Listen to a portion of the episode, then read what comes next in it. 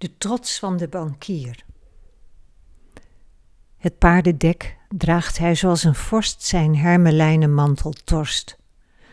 Alles aan en rond de kortstaartruinde rot is koninklijk.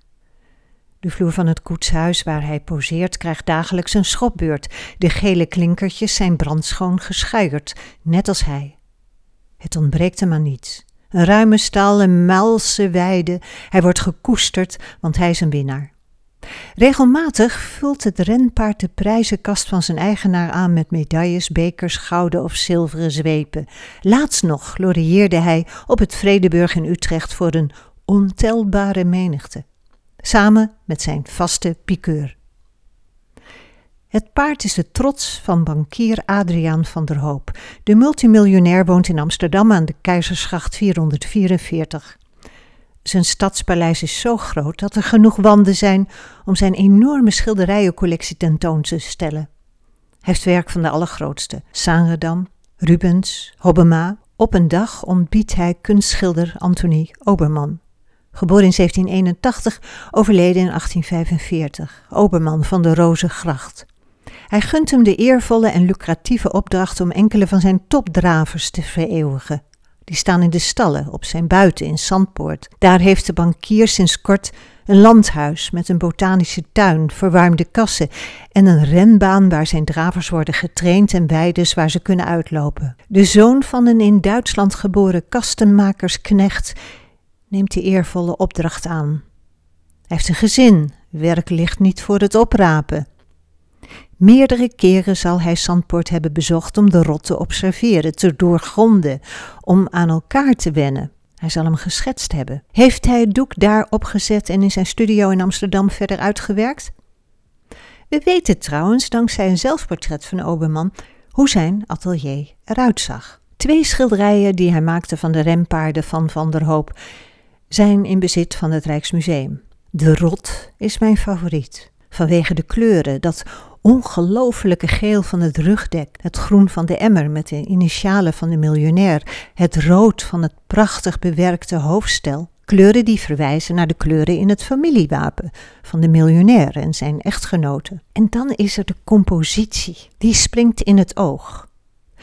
Dat prachtige dier met de koetsier die we op de rug zien. Waarom is dat? Omdat Oberman, blijkt uit dat eerder genoemde zelfportret in zijn atelier, niet zo goed overweg kon met gezichten. De jas van de koetsier ligt op een hoop links van hem. Een tijdje geleden mocht ik in het Nationaal Rijtuigmuseum zo'n koetsiersjas even aan. Ik wilde weten of je daarin met de leidsels in je hand ook werkelijk beschermd was tegen de elementen.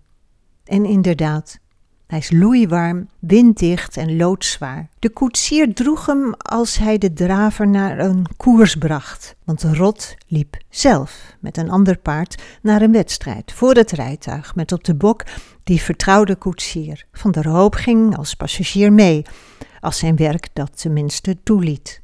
Er zijn op het schilderij nog wat opvallende details te ontdekken. De twee koetsen afgedekt, zoals men tegenwoordig prijzige oldtimers beschermt. Dat rozetje dat de rot draagt. Hij is een kortstaart, werd geangliceerd. Dat klinkt, geaccentueerd door dat toefje op zijn achterwerk, engelachtig, maar de bittere waarheid luidt dat de rot het grootste deel van zijn staart werd ontnomen. Pas in 2001 werd het couperen, het kortstaarten, bij wet verboden. Als zich een nieuwe generatie schilders van paarden aandient, stapt Oberman over op stillevens van vruchten en bloemen. Hij overlijdt in 1845. Zijn opdrachtgever sterft negen jaar later en laat dan zijn collectie na aan de gemeente Amsterdam. Maar de stad kan de successierechten niet betalen. Dankzij een crowdfunding onder particulieren en bedrijven blijft de verzameling in de hoofdstad. Daarom kunnen wij in het Rijksmuseum in Amsterdam genieten van topstukken als Isaac en Rebecca, bekend als het Joodse bruidje van Rembrandt, en brieflezende vrouw van Vermeer, en interieur van de Sint-Odulfuskerk in Assendelft van Sarendam. En niet te vergeten die topdraver in het koetshuis onder zijn stralend gele paardendeken.